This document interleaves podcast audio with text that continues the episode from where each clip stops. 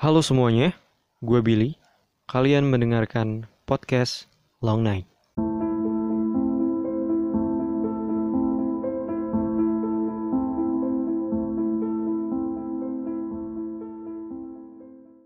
Jadi di episode perdana kemarin, episode pertama yang gue bahas Isabella Gusman, itu gue udah nerima banyak banget input, masukan, berupa saran dan kritik. Ya gue berharap sih untuk ke depannya gue bisa terus uh, lebih baik lagi gitu, baik secara teknis maupun uh, storytellingnya. Dan semoga bisa tetap lanjut juga sih yang paling penting, karena lanjut atau tidaknya podcast ini tergantung ada yang dengerin atau enggak. Gue sih nggak masalah kalau yang dengerin sedikit. Buat gue yang paling penting adalah gue bisa menyediakan konten untuk orang-orang yang punya hobi yang sama gitu dengan gue yaitu orang-orang yang suka uh, dengan konten konten-konten true crime ataupun teori konspirasi ataupun cerita-cerita seram gitu. Ya gue yakin sih banyak orang-orang Indonesia kan gitu ya. Mereka kita itu takut dengan hal hal-hal seram hal-hal yang mengerikan tapi suka juga. Takut tapi ditonton takut tapi didengar gitu. Gitu-gitu ya orang Indonesia tuh unik. Nah di episode kedua ini gue masih uh, berbicara tentang kasus kriminal jadi beberapa waktu yang lalu tuh gue nonton uh, eh, TV series dokumenter gitu ya uh, dari Netflix itu judulnya Unsolved Mystery itu di sana ada lima episode dan isinya itu eh, kasus-kasus uh, kriminal yang belum terpecahkan. Uh, sorry, bukan 5 episode tapi 6 episode. Dan tiap episode itu nggak berkaitan satu sama lain. Jadi episode pertama kasusnya beda, episode kedua dan seterusnya juga beda. Jadi nggak saling keterkaitan. Dan uh, seru sih maksud gue. Uh, mereka Netflix mengangkat kasus-kasus yang belum terpecahkan untuk di breakdown gitu untuk coba di breakdown ini sebetulnya apa yang terjadi karena eh, kasus-kasus ini kan kasus yang sampai sekarang belum terpecahkan gitu loh jadi kita juga pas nonton dibuat ikut mikir gitu dan akhirnya penasaran dengan ceritanya. Kita coba cari tahu dan cari tahu dan barangkali kita sebagai penonton justru menemukan clue menemukan petunjuk dan akhirnya bisa membantu uh, kasus ini supaya terungkap gitu kebenarannya apa. Makanya Netflix itu buat situs namanya unsolved.com. Di situ kalian bisa submit uh, informasi yang mungkin bisa jadi bukti untuk kasus-kasus yang ada di dokumenter ini gitu. Dan di episode pertama itu mereka mengangkat kasusnya Ray Rivera. Jadi Ray Rivera ini adalah uh, orang yang diduga bunuh diri dari atas Hotel Belvedere dan itu meninggalkan banyak banget pertanyaan gue pun banyak bertanya-tanya karena uh, bagaimana dia meninggal itu cukup membingungkan dan ini menarik untuk dibahas. Jadi terima kasih sebelumnya untuk uh, teman-teman yang mendengarkan yang dari episode pertama terus dengerin lagi gue seneng banget sih karena ya berarti apa yang gue ceritakan di uh, episode kemarin tuh cukup uh, menyenangkan untuk didengar dan suara gue cukup ya oke okay lah untuk didengar gitu tidak mengganggu. oke, okay, jadi langsung aja kita ke kasusnya Ray Rivera.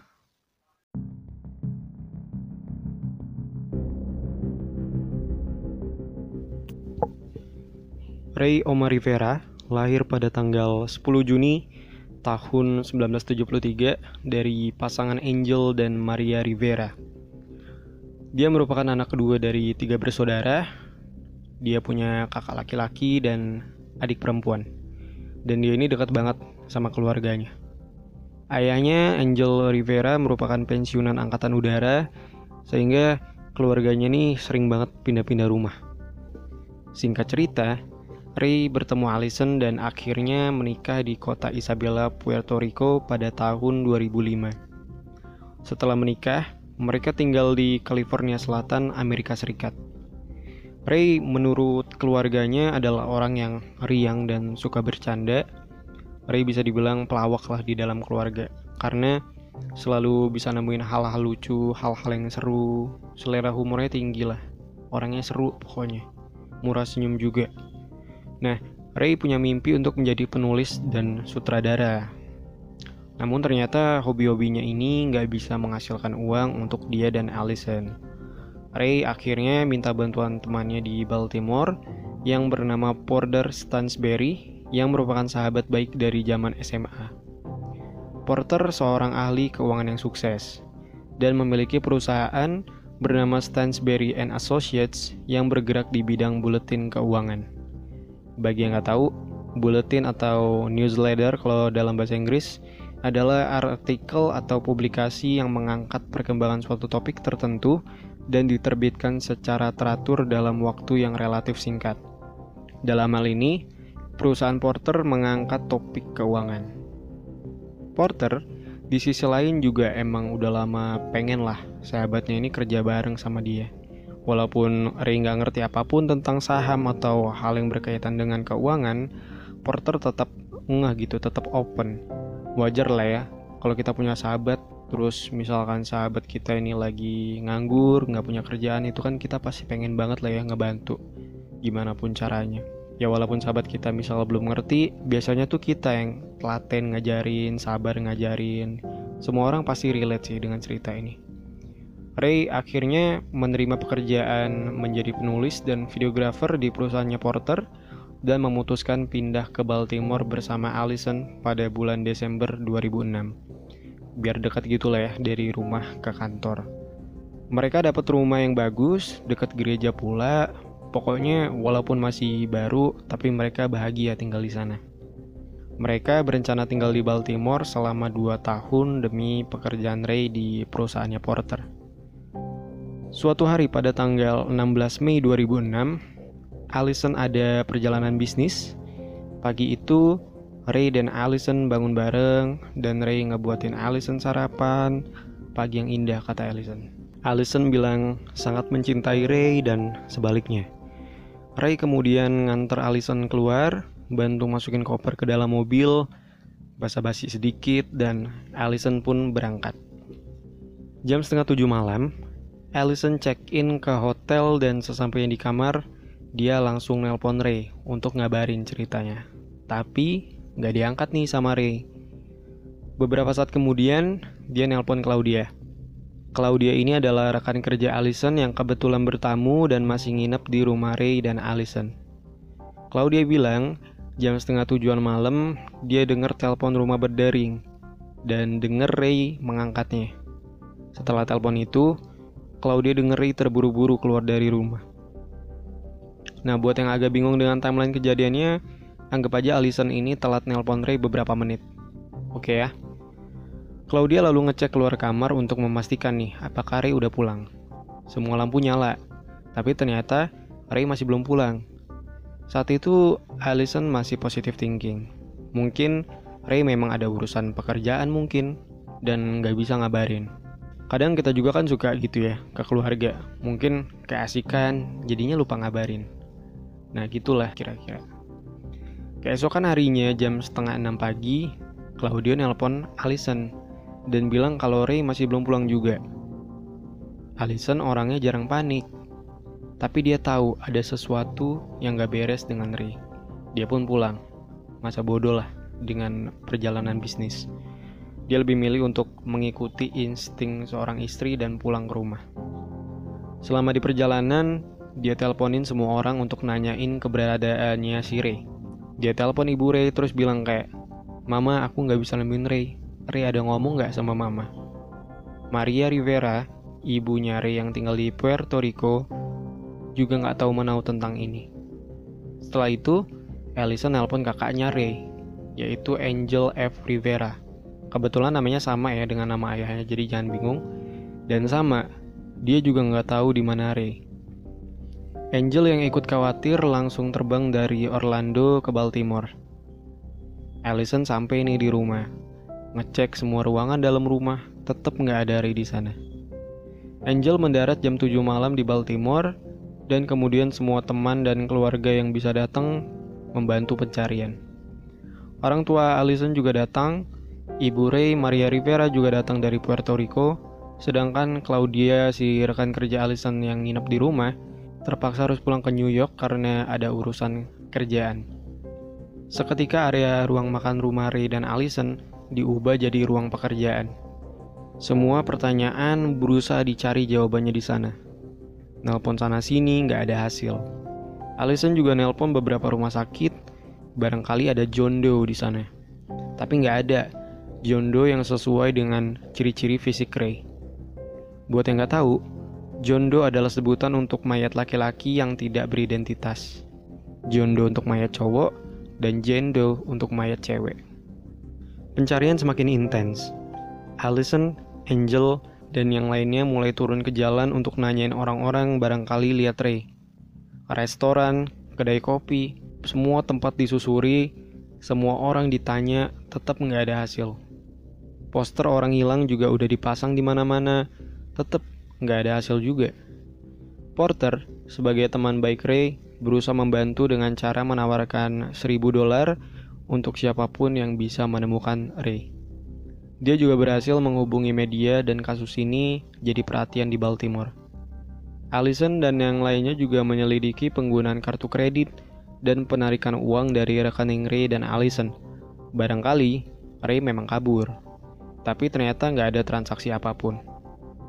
Tanggal 22 Mei 2006, enam hari pencarian telah berlalu.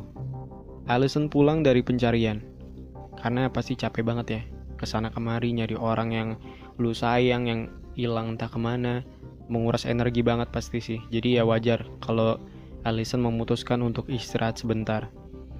Sementara itu, ayah dan ibunya Allison tetap melanjutkan pencarian. Mereka berkeliling kota mencari mobil Ray di tempat-tempat parkir barangkali mobilnya ada di sana. Kasus ini menjadi semakin menarik karena mereka menemukan mobilnya Ray terparkir di suatu tempat parkir di Jalan Saint Paul. Mobilnya masih utuh, nggak ada cacat sedikit pun. Gak ada barang bukti juga yang ditemukan di dalamnya yang sekiranya bisa jadi petunjuk.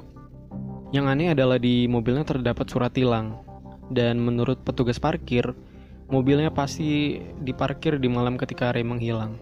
Yang artinya, Ketika Ray selesai ngangkat telepon dan buru-buru keluar rumah, dia pergi dan memarkirkan mobilnya di tempat itu.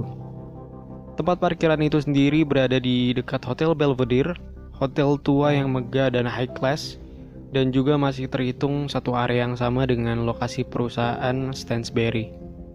By the way, sekedar informasi aja nih, Belvedere sendiri sekarang udah beralih fungsi dari hotel tua menjadi kondominium Semacam apartemen gitulah kalau kalian awam dengan istilah kondo. Nah, setelah mobilnya Ray ditemukan, orang-orang mulai menemukan secerca harapan dan terus melanjutkan pencarian. Tanggal 24 Mei 2006, dua hari kemudian setelah mobilnya Ray ditemukan, tiga rekan kerja Ray ngecek ke puncak tempat parkiran dan melihat sendal jepit di atas suatu bangunan di dekat Hotel Belvedere. Mereka juga melihat satu lubang yang mencurigakan dan melaporkannya ke polisi. Polisi akhirnya datang ke Hotel Belvedere karena ternyata bangunan itu masih bagian dari Hotel Belvedere, yaitu ruangan klub racquetball. Orang-orang yang kerja di sana juga menyebutnya ruangan gereja tua. Gary Sievers, manajer properti di hotel tersebut, membuka pintu ruangan dan langsung mencium bau yang sangat menyengat. Dia nggak akan pernah melupakan bau dan pemandangan yang dia lihat di ruangan ini selamanya. Bau dan pemandangan mayat.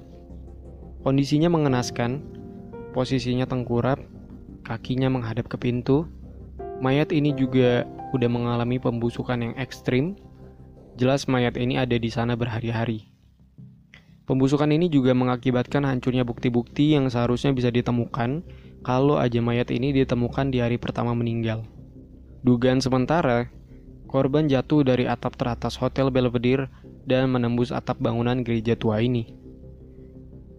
Allison, Angel, dan beberapa anggota keluarga yang lain kemudian dipanggil ke kantor kepolisian Baltimore dan polisi memberitahukan bahwa mereka telah mengidentifikasi jasad yang ditemukan di bangunan itu. Dan jasad itu adalah Ray Rivera. Suasana yang hening akhirnya pecah.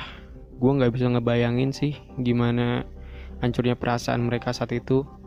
Sedih sih ini cuy. Lo selalu berpikir positif berharap semuanya bakal baik-baik aja dan ternyata kenyataan berkata lain. Kalian bisa deh nonton dokumenternya di Netflix atau bisa cari footage-nya di YouTube kalau kalian lihat foto-foto Ray semasa hidup, terus video dokumentasi pernikahan Ray dan Allison, wah ikut sedih sih cuy, positif. Gak tega bener deh. Apalagi si Ray ini kan orangnya murah senyum banget gitu ya. Gagah, ganteng, wah. Mengetahui kenyataan bahwa Ray udah gak ada, mereka masih bertanya-tanya, bagaimana, kok bisa? Ada banyak banget pertanyaan di kepala mereka dan akhirnya mereka pulang ke rumah.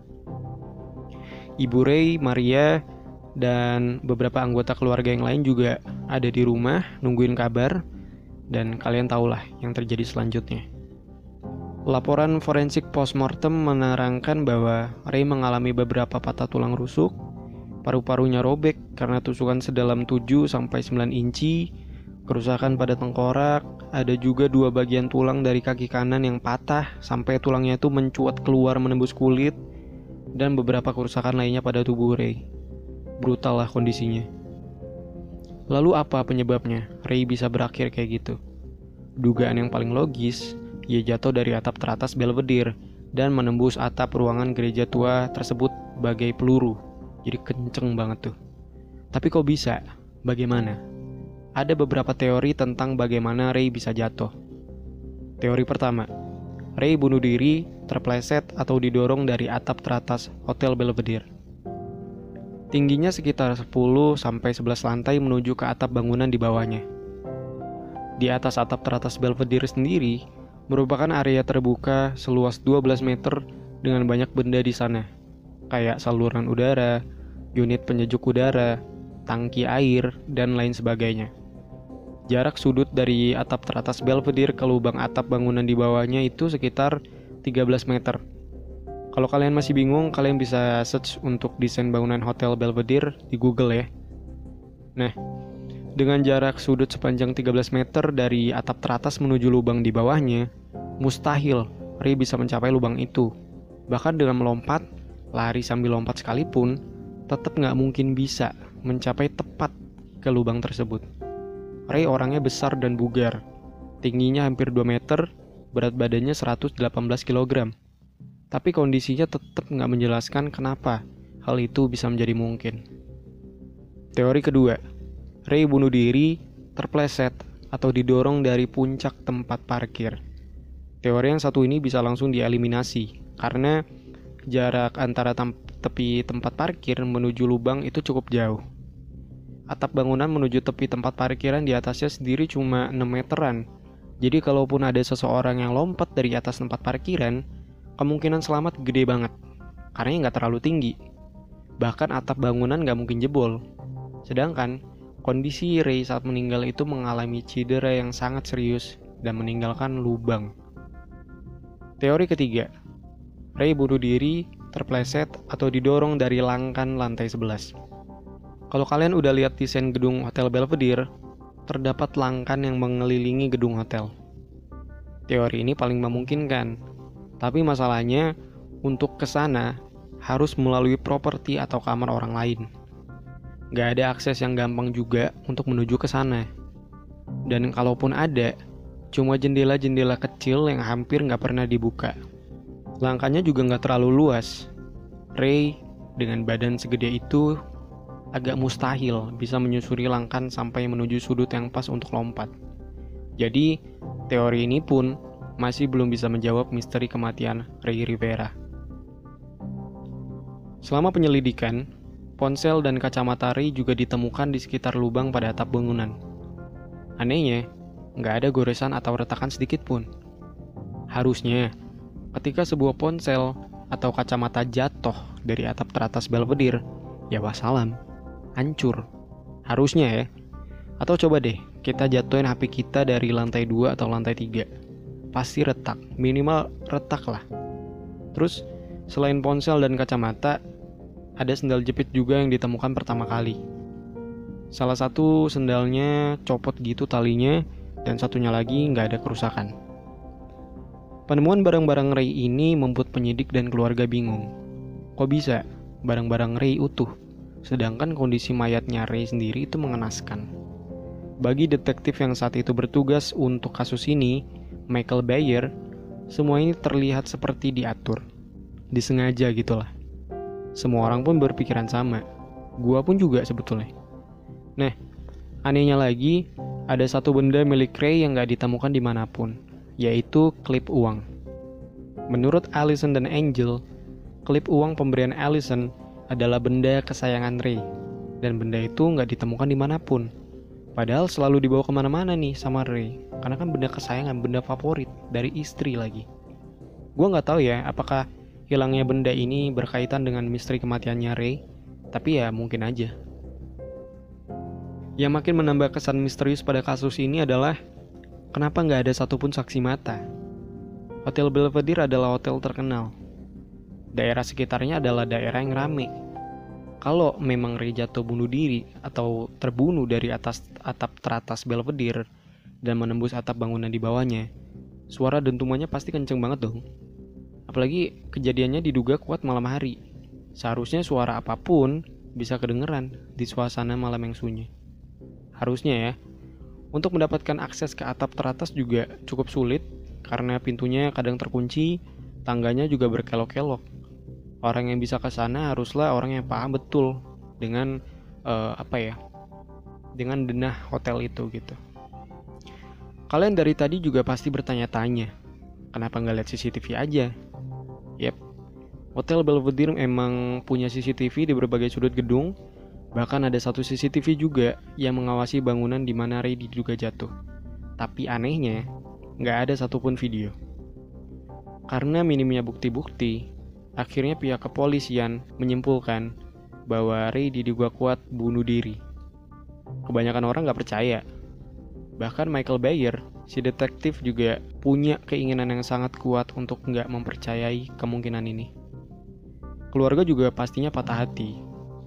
Ray yang humoris, ceria, dan pria bahagia yang baru aja nikah, bahkan ngebet banget mau punya anak, nggak mungkin bunuh diri. Orang yang punya niat bunuh diri pasti bakal memperlihatkan tanda demi tanda. Gak mungkin bisa terus memperlihatkan wajah bahagia tiap hari dan kemudian bunuh diri pasti ada tanda-tanda depresi lah, murung, dan lain sebagainya. Ray nggak punya tanda-tanda itu. Jadi nggak mungkin Ray bunuh diri. Tapi masalah yang sebenarnya adalah bunuh diri atau dibunuh, dua kemungkinan itu sama-sama nggak punya bukti yang kuat. Petugas koroner dan ahli forensik yang menangani jasad Ray menyimpulkan hal yang berbeda dari pihak kepolisian Baltimore. Mereka menyimpulkan bahwa Penyebab kematian Ray masih belum diketahui. Terlalu cepat untuk menyimpulkan Ray bunuh diri, juga terlalu cepat menyimpulkan Ray dibunuh. Sehingga kasus ini nggak boleh ditutup.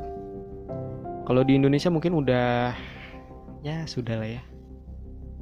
Nah, kita kilas balik sebentar ke momen saat Ray hilang pertama kali. Allison itu sempat menggeledah seluruh bagian rumah dan menemukan pesan atau mungkin catatan yang dilem di belakang meja komputer. Dia yakin pesan ini diketik Ray pada hari dia menghilang. Kalau penasaran detail isi pesannya, kalian bisa search di Google dengan kata kunci Ray Rivera Note. Nah, isi pesannya sendiri membingungkan. Ray menulis beberapa kalimat, terus dia tulis nama-nama orang penting, dia tulis nama-nama kenalannya, terus dia tulis juga nama-nama film favoritnya. Semuanya disusun dan dan jadi membingungkan karena nggak karena nggak apa ya nggak punya makna gitu. Terus ada kalimat yang menarik dari pesan atau catatan ini yaitu whom virtue unites death will not separate. Atau yang artinya kira-kira yang disatukan kebajikan kematian takkan memisahkan kalimat ini menarik perhatian Allison dan dia ambil kalimat ini dan search di Google mau tahu apa yang dia temuin Freemason.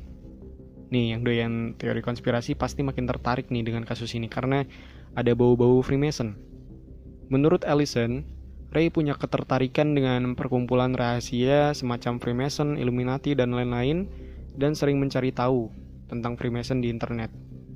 Ray adalah seorang penulis dan masih ingin menjadi sutradara. Menurut Allison mungkin aja dia mencari tahu tentang Freemason untuk kebutuhan skenario. Dia juga banyak menulis tentang banyak hal, uh, coret-coret sana sini, kadang nulis tentang gagasan filsafat atau nulis random aja. Pokoknya dia cukup produktif lah sebagai penulis. Tapi mungkinkah Freemason terlibat dengan kematian Ray Rivera? Entahlah. Gue sendiri nggak mau menggiring opini, tapi ya kemungkinannya tetap ada. Pesan atau catatan ini lalu diserahkan ke polisi. Polisi lalu menyerahkan ke lab FBI, dan akhirnya catatan ini dianggap catatan random dan bukan pesan bunuh diri atau semacamnya. Nggak ada yang bisa dipecahkan dari catatan ini sampai detik episode ini dibuat. Menurut mereka, pesan atau catatan ini bukan sebuah kode. Allison juga sebetulnya udah terus mencari koneksi antara tulisan-tulisan di dalam catatan itu dengan kematian Ray, tapi hasilnya nihil. Kalau kalian ingat, kematian Ray berawal dari sebuah panggilan telepon. Setelah dilacak, ternyata panggilan ini berasal dari perusahaan Stansberry, perusahaan porter tempat Ray bekerja. Cuma sayangnya, orang yang menelpon uh, Ray ini nggak pernah diketahui karena panggilan telepon tersebut berasal dari switchboard dan ekstensi penelponnya juga nggak bisa dilacak. Kalian pasti mikir, ya tinggal ditanya aja dong satu-satu karyawan Stansberry. Sayangnya lagi, menurut pengacara perusahaan, semua pegawai Stansberry nggak diizinkan berbicara dengan siapa pun terkait kasus ini.